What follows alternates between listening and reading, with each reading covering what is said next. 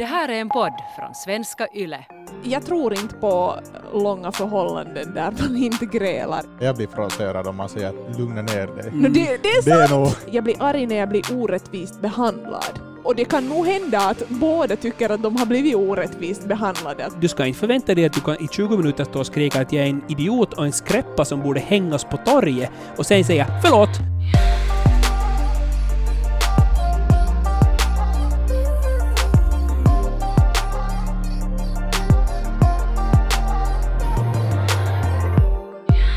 Jag fått lära mig att gräla så här i vuxen ålder. Jag har inte grälat så hemskt mycket med min familj, okej med mina syskon när jag var liten, men inte i vuxen ålder med min familj egentligen, inte med mina kompisar. Jag var i ett nio år långt förhållande där egentligen det var bara jag som grälade och den andra tog emot. Vad kiva. Och sen, när jag var 26, så inledde jag ett förhållande med en människa där det fanns eh, nå, en annorlunda laddning. Att det blev för första gången i mitt liv så att jag måste börja öva på att gräla. Så att jag liksom fick något motstånd också. Att om jag tyckte någonting var skit och den andra tyckte det var skit så blev det liksom Nej, det blev en krasch. Alltså det blev ett gräl. Det är roligt när jag börjar förklara alltså, vad ett gräl är. Ligger för tiden, helt klart. Men i alla fall, det var en spännande situation därför för att jag kom på mig själv med att jag kanske inte visste mig själv så pass bra i sådana situationer. Eller jag hade inte sett den där sidan av mig själv tidigare. Och på riktigt så var det ganska skrämmande, för jag var för första gången sedan typ jag var fem år så var jag inne i sådant liksom ett sånt tillstånd som jag inte visste att jag kan gå in i. Att jag blev helt superarg. Att jag kände just sådär som ungefär en femåring när den inte får den där grejen den vill ha i butiken. Att jag blev sådär, sådär när man säger att man ser svart, liksom det, det kände jag liksom för första gången i mitt liv då. Att jag blev liksom sådär helt fly förbannad på den där människan. Men alltså bara det här att jag fick uppleva någonting helt nytt och nya sidor av mig själv och okej, okay, det här förhållandet är förbi och det där grälandet kanske var liksom mera intensivt då, speciellt i början. Men jag kan gå runt och fundera ännu också att liksom, finns den där sidan av mig kvar? Eller var det det där ena liksom, livsskede hur jag var då och sen med den där nya människan och på något vis någon vissa sorts sådär energi och personligheter som går ihop och därför som jag blev sådär liksom kunde bli helt sådär förbannad också. Ja, det är spännande det där. Jag, jag, jag har varit med i... Om det, och då handlar det egentligen inte om att bli arg, utan att med vissa människor är jätte, jätte, jätte svartsjuk och med andra inte alls svartsjuk. Jag tror att på samma sätt med gräl så har det, eller med ilska, så har det jättemycket att göra med hur den andra människan är. Så, så påverkar också hur man själv blir i det där grälet. Ja, ibland kan jag gå omkring och fundera på att är det här någonting jag måste liksom ta tag i? Att finns den där sidan av mig kvar? För att jag tyckte ju inte om den där sidan av mig själv. Inte, jag tror inte att någon tycker om det där då när man blir på riktigt sådär helt superarg. Ja, eller den finns ju säkert i en viss mån. Att det, det har jag i alla fall märkt att när man grälar och man grälar med en ny person, så det är ju alltid olika sådär scenarion. Och såklart det är alltid olika gräl, men samtidigt hur den där vad är det för respons jag får av den personen som jag nu grälar med kan vara helt annorlunda än vad jag får av en familjemedlem eller min bror eller min syster. Och sen så säkert finns det olika, eller i alla fall så vet jag att det finns olika mönster som är kvar. Det finns någonting där undermedvetna som man gör att man reagerar på vissa saker som man känner bekanta, så gör man på ett visst sätt. För att, för att jag har alltid gjort så här. Men sen är det så mycket den här nya personen som man grälar med som inte känns bekant, så då kommer det också nya saker som man inte kanske vet om sig själv. Mm. Nej, men jag tänkte nu så här att jag är ju singel och kan gå omkring och fundera på de här grejerna. Ni har båda parförhållanden och säkert har ändå erfarenhet av någon form och x-mängd av gräl. Så jag tänkte att vi skulle kunna fundera på det här nu, så här att hur blir man bra på att gräla? För jag tycker att det skulle kunna vara en ganska bra egenskap att ha och besitta. Jag har kanske personligen... Eller det finns två olika sätt. Den ena är det att vara en så kallad spindoktor. Alltså det är ett sätt att vara bra på att gräla, att du alltid lyckas vända det på det sättet att du vinner. Då har du varit duktig på att gräla, du har varit duktig på att lösa situationen på ett sätt som får dig att framstå som en vinnare. Det är ju en bra sak när det kommer till politik och till allt möjligt, men kanske inte i ett förhållande där är det ju inte alltså kanske bra att varje bråk utmynnar i att den ena människan känner sig helt jävligt skit för att den har bråkat. För att det är dens Ganska fel sällan, på något vis. Ja. Så att Mm. där, därför skulle jag säga att, att bra på att gräla i ett förhållande är väl samma sak som att bra på att lyssna. Eller bra på att få till stånd ett, ett samförstånd. Där Mm. ingen känner att den har fel, utan båda känner att hej, men nu har vi insett vad det var den andra ville. Och, och inte bara att den ena inser det, utan att båda på riktigt inser det. Så tror jag. De allra flesta av våra gräl, jag och min sambo, är totalt onödiga. Det handlar om hur ska vi skölja hallonen? Vi har köpt hallon från butiken och jag ville äta av dem och var så här, men för det finns ju hål i den där boxen. I den där Ja. plastförpackningen. Och jag var bara så här, jag öppnade locket och så sköljde jag dem med vatten och sen stängde jag locket och svängde på den och, och tömde ut det där vattnet. Ja. Och det var liksom, det var nog helt katastrofalt dåligt, så kan man ju verk- verkligen inte göra. Utan jag måste hälla över dem i en sil. Och där sköljer jag dem. Jag är sådär, men det här jävla locket är ju en fucking sil. Att, vet, att vad är nu problemet? Nej, men det handlar mer om det för att jag tänkte att vi nu ska jag skölja av dem så att alla kolibakterier försvinner. Medan min sambo tänkte att nu ska vi skölja av dem för att i butiken kan ju andra människor ha rört vid den där förpackningen och därför kan det finnas nu coronavirus på den så därför måste vi skölja av dem. Och då tyckte han att om jag sköljer det i förpackningen så blir det ju inte sköljt. Och då var det bara så här Åh! Jag är inte dum i huvudet, jag kan fucking skölja hallon. Lita på mig. Eh. Ja, det där är ju nog en av de vanligaste grejerna. Sådär. Speciellt sen när man har ett tillräckligt eh, långt parförhållande bakom sig och allt annat är sådär semibra. Så sen så är det just sådana små grejer som skölja hallonen och tömma eller fylla diskmaskinen eller hushållsarbete i största allmänhet som är liksom sådana stora och, och jobbiga grejer. Det har inte kanske heller egentligen exakt med den saken att göra utan bara med någon kanske större helhet också eller att man är nu bara allmänt lite störd på den där människan som nu hela tiden är där i fötterna. Och samma sak med att fylla diskmaskinen. Jag är sådär, okej, här är det här som ska in i diskmaskinen. Jag satte in det dit, medan min sambo är så här, okej, vi ska laga middag idag ännu. Och vi kommer att steka höna, så vi ska ha in en, en stekpanna, två tallrikar, vi ska ha de här glasen. Och bara tänka liksom mycket längre. Nu när jag säger det här så låter det ju som att min sambo har mycket mer rätt faktiskt. Men jag tycker ju att båda har rätt, att man kan ju fylla det. Vet du, det är inte, det är inte så att vi nu har en diskmaskinsdiskning på oss resten av vårt liv. Och nu måste vi bara göra det bästa av det, utan vi kommer imorgon igen att diska diskmaskinen. Men sen Nu samtidigt så det är ju det är hundra gånger som man får fylla upp diskmaskinen efter varann före det blir ett gräl. Sen en gång blir det Ja. något kina eller ett gräl över den saken. Och sen är det igen hundra gånger som, va, ingen skillnad. Ja, men det känns ju som det där är de allra vanligaste grälen. Jag har ju inga parförhållanden nu, men jag har haft parförhållanden och jag har varit precis i de där situationerna som ni är nu. Liksom pengar, hushållssysslor, vem gör vad och när och vem tar ansvar för vilken grej. Att det är ju nog liksom sådana perusgrejer. Jag tänker sådär, det hör väl för fan till att det är någonting man måste bara ta, att ska man vara tillsammans med någon annan människa så det, liksom, det bara blir så och det måste vara okej på något plan att det är så. Men har ni sådana grejer som ni bara helt enkelt inte kan tåla? Om man funderar på gräl just. Nej, jag började tänka det där på ett äldre förhållande som jag hade. Och där var just det där att jag grälade jättemycket. Det var ett förhållande som vi höll på ett tag, men det var ett, där jag aldrig kunde lita. Och jag sa mina saker, varför gör du på det här sättet? Men sen hade det aldrig förändrats. Att när, när vi hade grälat, att jag aldrig kunde släppa det. För jag alltid väntar på att, att det händer, det kommer en ny clash. Istället för att i ett vanligt förhållande eller en vanlig situation så kan man ju alltid släppa efter en tid. Men det var alltid en viss orosmoment som fanns inne i mig som gjorde att, att jag också blev ganska explosiv av mindre saker. Jag, varje gång som någonting hände så blev jag ju mera rädd och mera aktsam och kunde av mindre saker hela tiden reagera att, att, att sen ta upp det till grejer på nytt. Jag lärde mig faktiskt just någonting av det där. och jag insåg att det är just så där som det är för mig också. Att det är inte en jättestor grej för mig om min sambo säger att, att diskmaskinen ska fyllas, men det är det att varje gång jag fyller diskmaskinen så måste jag i princip tänka på att hur, hur ska jag göra det? Eller om jag gör det här nu fel, så, eller fel, så kommer jag att få höra på det. Alltså, det- att det är den där grundoron som finns med hela tiden och det är det som gör att det tar så stora proportioner i mig sen när det väl händer, för att jag har gått omkring och oroat mig för det och bara väntat att när är nästa gång som det kommer en sån här grej, att jag har nu igen gjort någonting på ett dåligt sätt eller ett sätt som måste göras på nytt.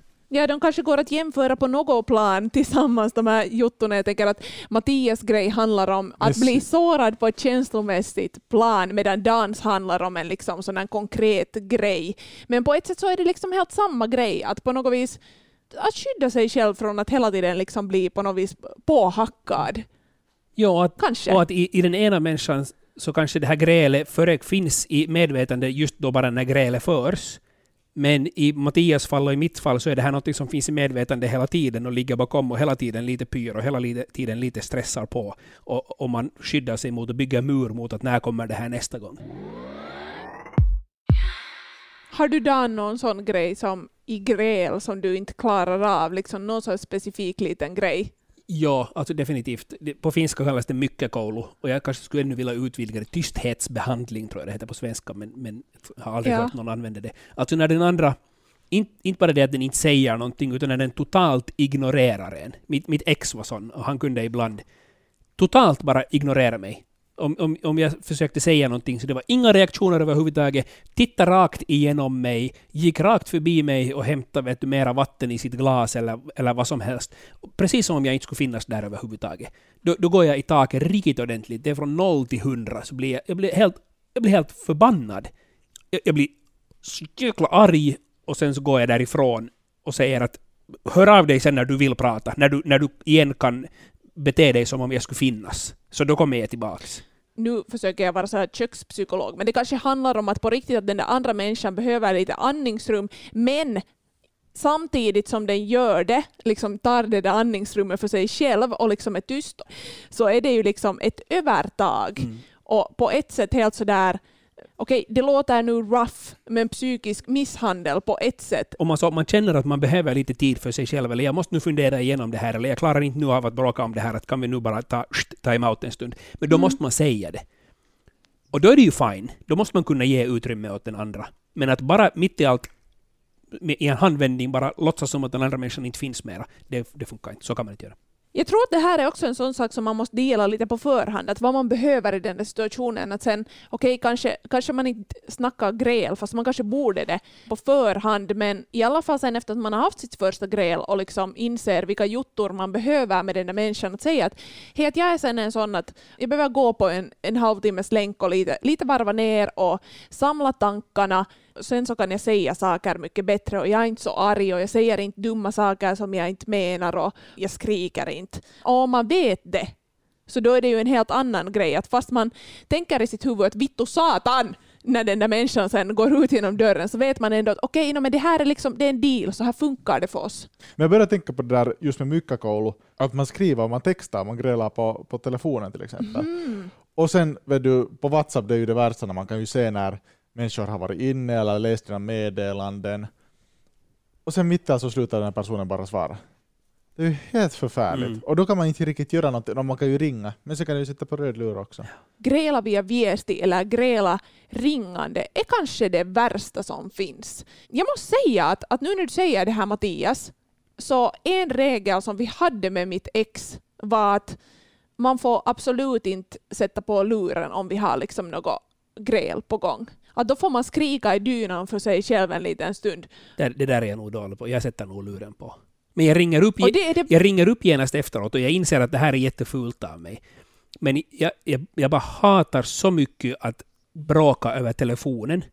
Att så fort om någon börjar skrika åt mig så då sätter jag luren på, andas och så ringer jag upp igen för att, och, och säger att vi kan definitivt diskutera det här men vi kan inte nu skrika åt varandra här över telefonen. Men du kan inte göra så där Dan, det finns ingenting så där störande för då har du lite tagit övertag. Att du är först så där, du är den som lägger på luren och sen är du den vuxna som ringer och säger nu ska vi tala sansat. Att då måste du en liten stund skärpa dig och fast ta telefonen från öra och säga därifrån lite längre ifrån att hej att att snälla att lugna ner dig, nu tar vi den här diskussionen, för det är jätteprovocerande för den andra att få luren i örat. Du vinner inte på det. Men samtidigt är det väldigt provocerande också att gräla. Jag blir provocerad om man säger att lugna ner dig. No, det, det är Det sant! är nog... Ja. Det var jättedåligt sagt! Då är man också, då är man också lite, då är, jag, då är jag nog en lite bättre människa än vad du är om jag är sådär, nu måste man ändå lite lugna ner dig här. Lilla flicka. Ja, det Nej, det var- kan man inte. Men, men det är sant, alltså, man borde inte slänga, slänga luren heller i örat på folk, men jag vet att jag gör Nä. det. Men några är ju jättemycket bättre också på att just uh, skriva i text och skriva på textmeddelande så det är hur på riktigt man känner. Så det är ju också att några kan det vara jättebra. Det är helt sant och det där är en spännande grej när man grälar med olika människor, att hur verbalt kapabel är man i den stunden och vem har övertaget på grund av den grejen, att den får ut de där orden i den där stunden. Mm. Och det är en sån grej att den som är starkare i den grejen, så måste ju måste också i den stunden som man grälar inse den grejen och på något sätt ge utrymme åt den andra. Hemma hos oss så, så pratar vi ju finska. Och jag är inte alls Mm. flytande på finska. Jag pratar inte ett ord finska efter högstadie eller, eller yrkesskolan. Jag, har- jag har lärt mig finska i vuxen ålder. Och klarar mig helt bra i, i sociala situationer. Men det är inte mitt känslospråk. Jag brukar säga att jag är alltid lite dummare hemma än på jobbet. För att hemma är på finska och på jobbet är på svenska. Eh, Så därför känner jag kanske också ett ganska stort underläge ganska snabbt. Och min sambo vet att när jag växlar till svenska så då är det, då är det allvar. Nej, men hur, hur jobbar ni med det här? Jag tänker liksom sådär att får du då i, i sådana stunder där ni grälar, så får du byta till svenska då? Är det, liksom, är det okej att du grälar på svenska och så skriker han på finska tillbaks? No, vi brukar inte Eller skrika skriker. Vi ska ju inte skrika. Nu får jag gå över till svenska om jag vill. Inte, inte är det någonting som jag tänker på. Oftast så i efterhand kan jag nu, funder, nu för tiden fundera att vänta nu, pratar jag just svenska eller pratar jag finska? Att jag inte mera vet att vilket språk har jag ens pratat på för att jag inte, det är inte så stor skillnad för mig, men det är bara kommunikation. Men jag tror att det är en viktig grej att ta i beaktande när man funderar att vem har styrkan? Är det så att, att vi bor hemma hos mig? Är det så att jag har bott här och du har flyttat in? Då kan det vara en styrka för mig att det här är mitt hem och du får bo Mm. här. Eller vi, vi pratar ditt språk. Du är den som kanske just nu är, på jobb och tjänar pengar. Och, och jag tror att det är jätteviktigt att ta i beaktande de här att vem har styrkan? Eller man måste själv inse det. Att jag har nu styrkan och övertaget här. Och, och jag kanske därför måste bete mig på ett visst sätt. I mitt nuvarande förhållande när vi ännu bodde separat och när jag var hemma hos henne och vi började gräla någonting. Då har jag inte ett ställe dit jag kan gå Mm. där jag känner mig på det sättet tryggast. Att Då är det nästan att jag måste gå ut för att kunna varva ner, för det var en liten etta och där fanns inte någon plats åt mig att få annanstans, så då var det ut som jag får. Men där märkte jag att det var hennes styrka, det var hon som var där, det var hennes plats. Mm. Jag, jag har inte ett eget ställe där jag kan ställa mig och säga så här ska man göra här, eller vad man nu grälar över. Jag har ju alltså vuxit upp i en familj där vi har, eller jag känt att det varit fritt att gräla, vi har sådär diskuterat jättemycket och då blir det automatiskt, eller jag tror att det blir ganska automatiskt gräl. Sen har jag börjat olika förhållanden med personer som har sagt att de har kanske varit i ett annat förhållande tidigare, de har inte grälat på tre år eller fyra år, och någon som säger att de har aldrig grälat hemma. Och jag blir helt sådär ställd att, sådär att hur kan man inte gräla? För att mig är det så vardagligt att det hör till levande. Mm. Men Malene, du sa att du hade varit i ett nioårsförhållande och att, att du grälade men han gav ingen, ingen respons. Ja, alltså jag kan ju säga så här ur egen erfarenhet att jag tror inte på långa förhållanden där man inte grälar. Jag tror nog på den där ljusröda glasögonen på näsan fasen då när allt är fantastiskt och man bara speglar den andra och sig själv, liksom de goda sidorna. Så ja, kanske man inte grälar då så jätte- jättemycket, möjligtvis, men nu ska de där grälen komma in i något skede. Jag tycker det är nog väldigt mänskligt och, och visar också att man vet sig själv och vet var ens gränser går och eh, vad man vill. Mm. Och det är ju viktigt. Jag har kompisar också livet, som är tillsammans och allmänt. de har varit jättemånga år tillsammans och de så nej vi aldrig någonsin grälar. Och då är jag sådär, okej really, nej men vem är det som aldrig någonsin får sin åsikt hörd då i så fall? Att det, då är det liksom, då, om, det, om det aldrig någonsin är gräl, så då tror jag i alla fall att man hela tiden går enligt den enas önskan och den andra håller käften. Och kanske inte har egentligen ett jättestort problem med att hålla käften heller och inte få sin åsikt hörd, utan är helt fine med det. Ja, och jag tror liksom just det där som du säger att den ena får inte sin åsikt hörd, men den kanske inte ens vill liksom jättemycket det. I slutändan är det heller aldrig bra. Nimimerkillä jag gjorde slut. Mm. Så gräl är nog en bra grej, men vi måste bara lära oss på något bra sätt att gräla rätt. Mm. Men du snackar Mattias med en socialpsykolog. Ja, jag tog kontakta en, en det här socialpsykolog som ett av de sätten som han sa att, att det är ganska sådär giftigt sätt att gräla, eller inte ett, inte ett produktivt sätt att gräla, just att man lyfter upp personlighetsdrag till exempel av en annan, som, som att så här, du städar aldrig för du är lat. Som att säga att för att du är en sån här typs person så klarar du inte av en viss sak. Och, och de, de sakerna är väldigt kontraproduktiva. De leder ingenstans, utan det leder bara att den andra personen får ganska dåligt att vara.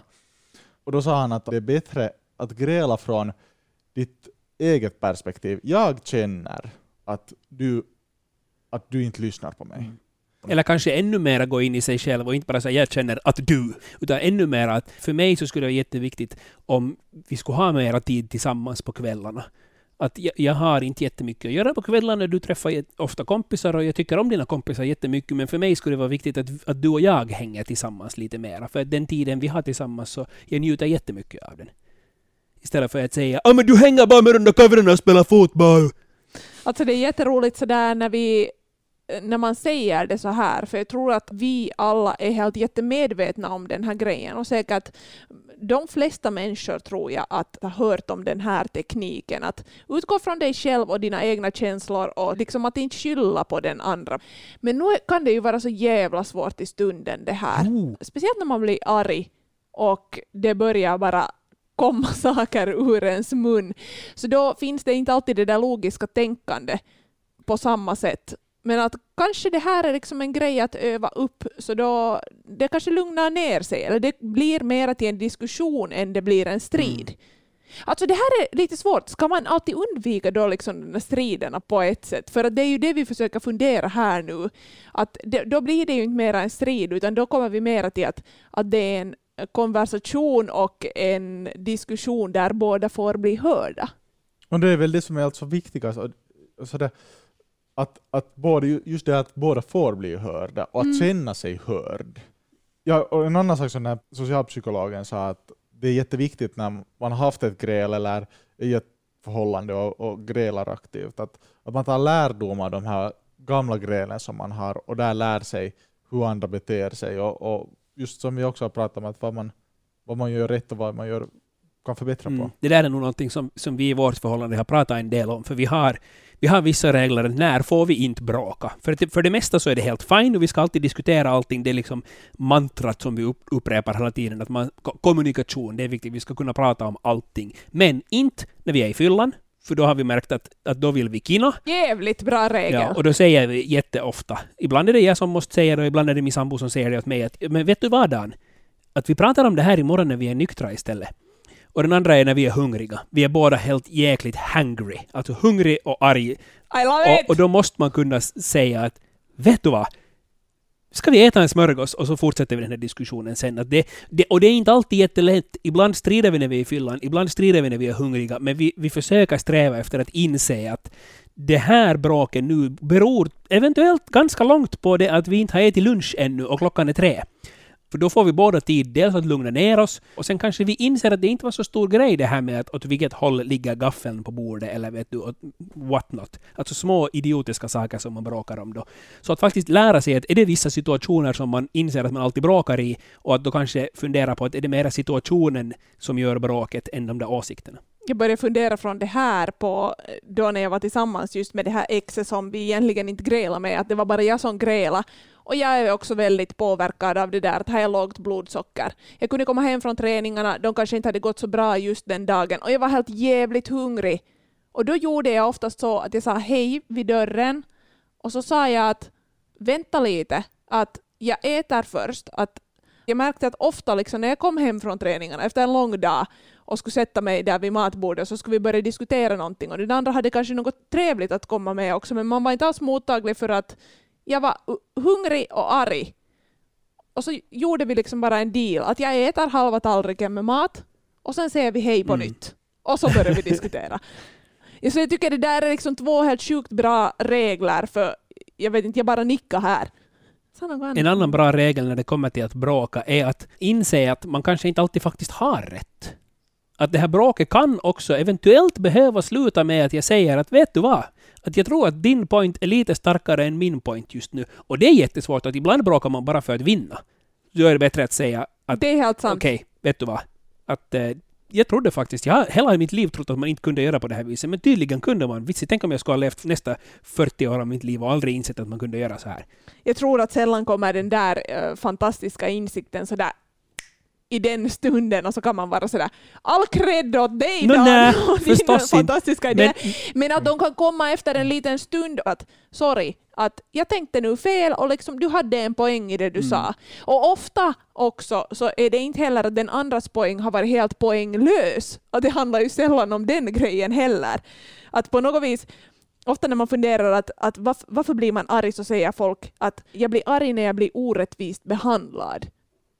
Och det kan nog hända att båda tycker att de har blivit orättvist behandlade. Att man måste ju liksom, på något plan handlar ju hela den här grejen om att mötas någonstans mitt emellan hela tiden. Och att kunna inse sina egna brister och höra och se den andra också som person och inte vet jag, levande varelse. Man måste kunna flytta sitt fucking ego åt sidan och ibland liksom på något vis bara lyssna. Mm. Kanske det skulle vara en bra regel om man, märk, om man är så här att okej, nu verkar det här bli bråk och vi kan nog ta den här diskussionen, men vi måste båda lova att vi kommer att inse att eventuellt har någon av oss fel i det här. Men oftast är det ju inte heller så att Mm. någon har fel, inser jag nu, utan det är bara det att man har olika Nej, eller så som vi hade med våra jävla hallon. Den ena var rädd för att det skulle komma coronavirus från förpackningen och den andra var, var rädd för att det har besprutats med skitigt vatten i Polen så att det finns kolibakterier på den. Vi båda ville skölja dem, men från olika saker. Och då hade vi ju båda rätt i det vi gjorde, men vi var ute efter olika saker. Och det måste man ju också kunna inse att, att kanske det här grälet inte alls nu beror på att jag har gjort rätt och du har gjort fel, eller tvärtom, utan att vi har förväntat oss olika saker av den här situationen och därför blev det på det här viset. Mm.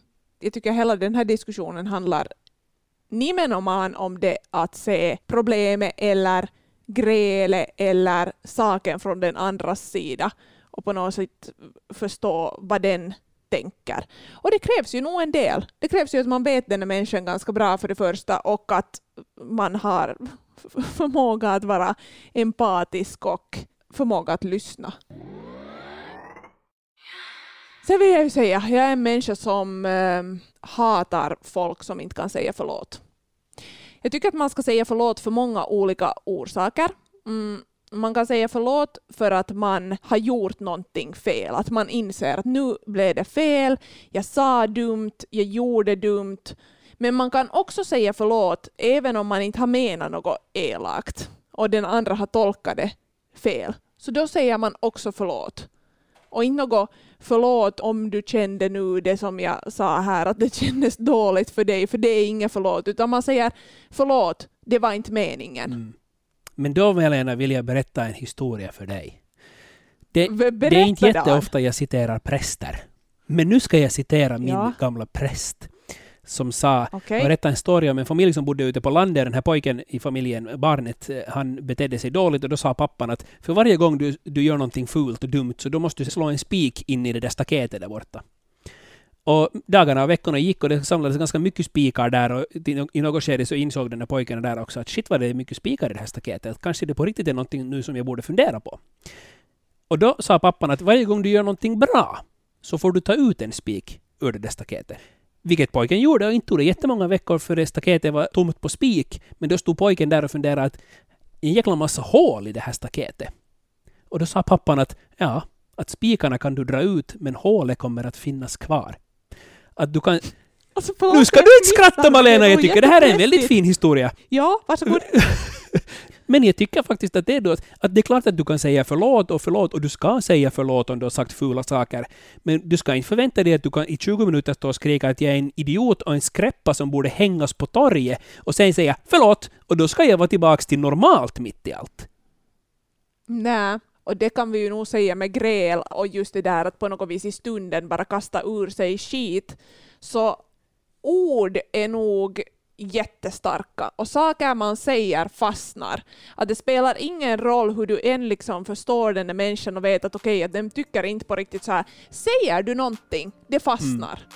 Att det är nog jätteviktigt att komma ihåg och, och jag håller helt med dig Dan att även om förlåt är ett jätteviktigt ord för mig så förlåt, då blir det de där groparna i staketet om, även om man har sagt förlåt och dragit ut spiken tillbaka. Då kanske man får gå och hämta spackle också eller nya brädor. Följ oss på Instagram, på yleextrem6. Där fortsätter diskussionen tillsammans med mig, Malena. På Instagram kan du också ställa frågor eller komma med förslag på teman som vi senare ska kunna snacka om i podden.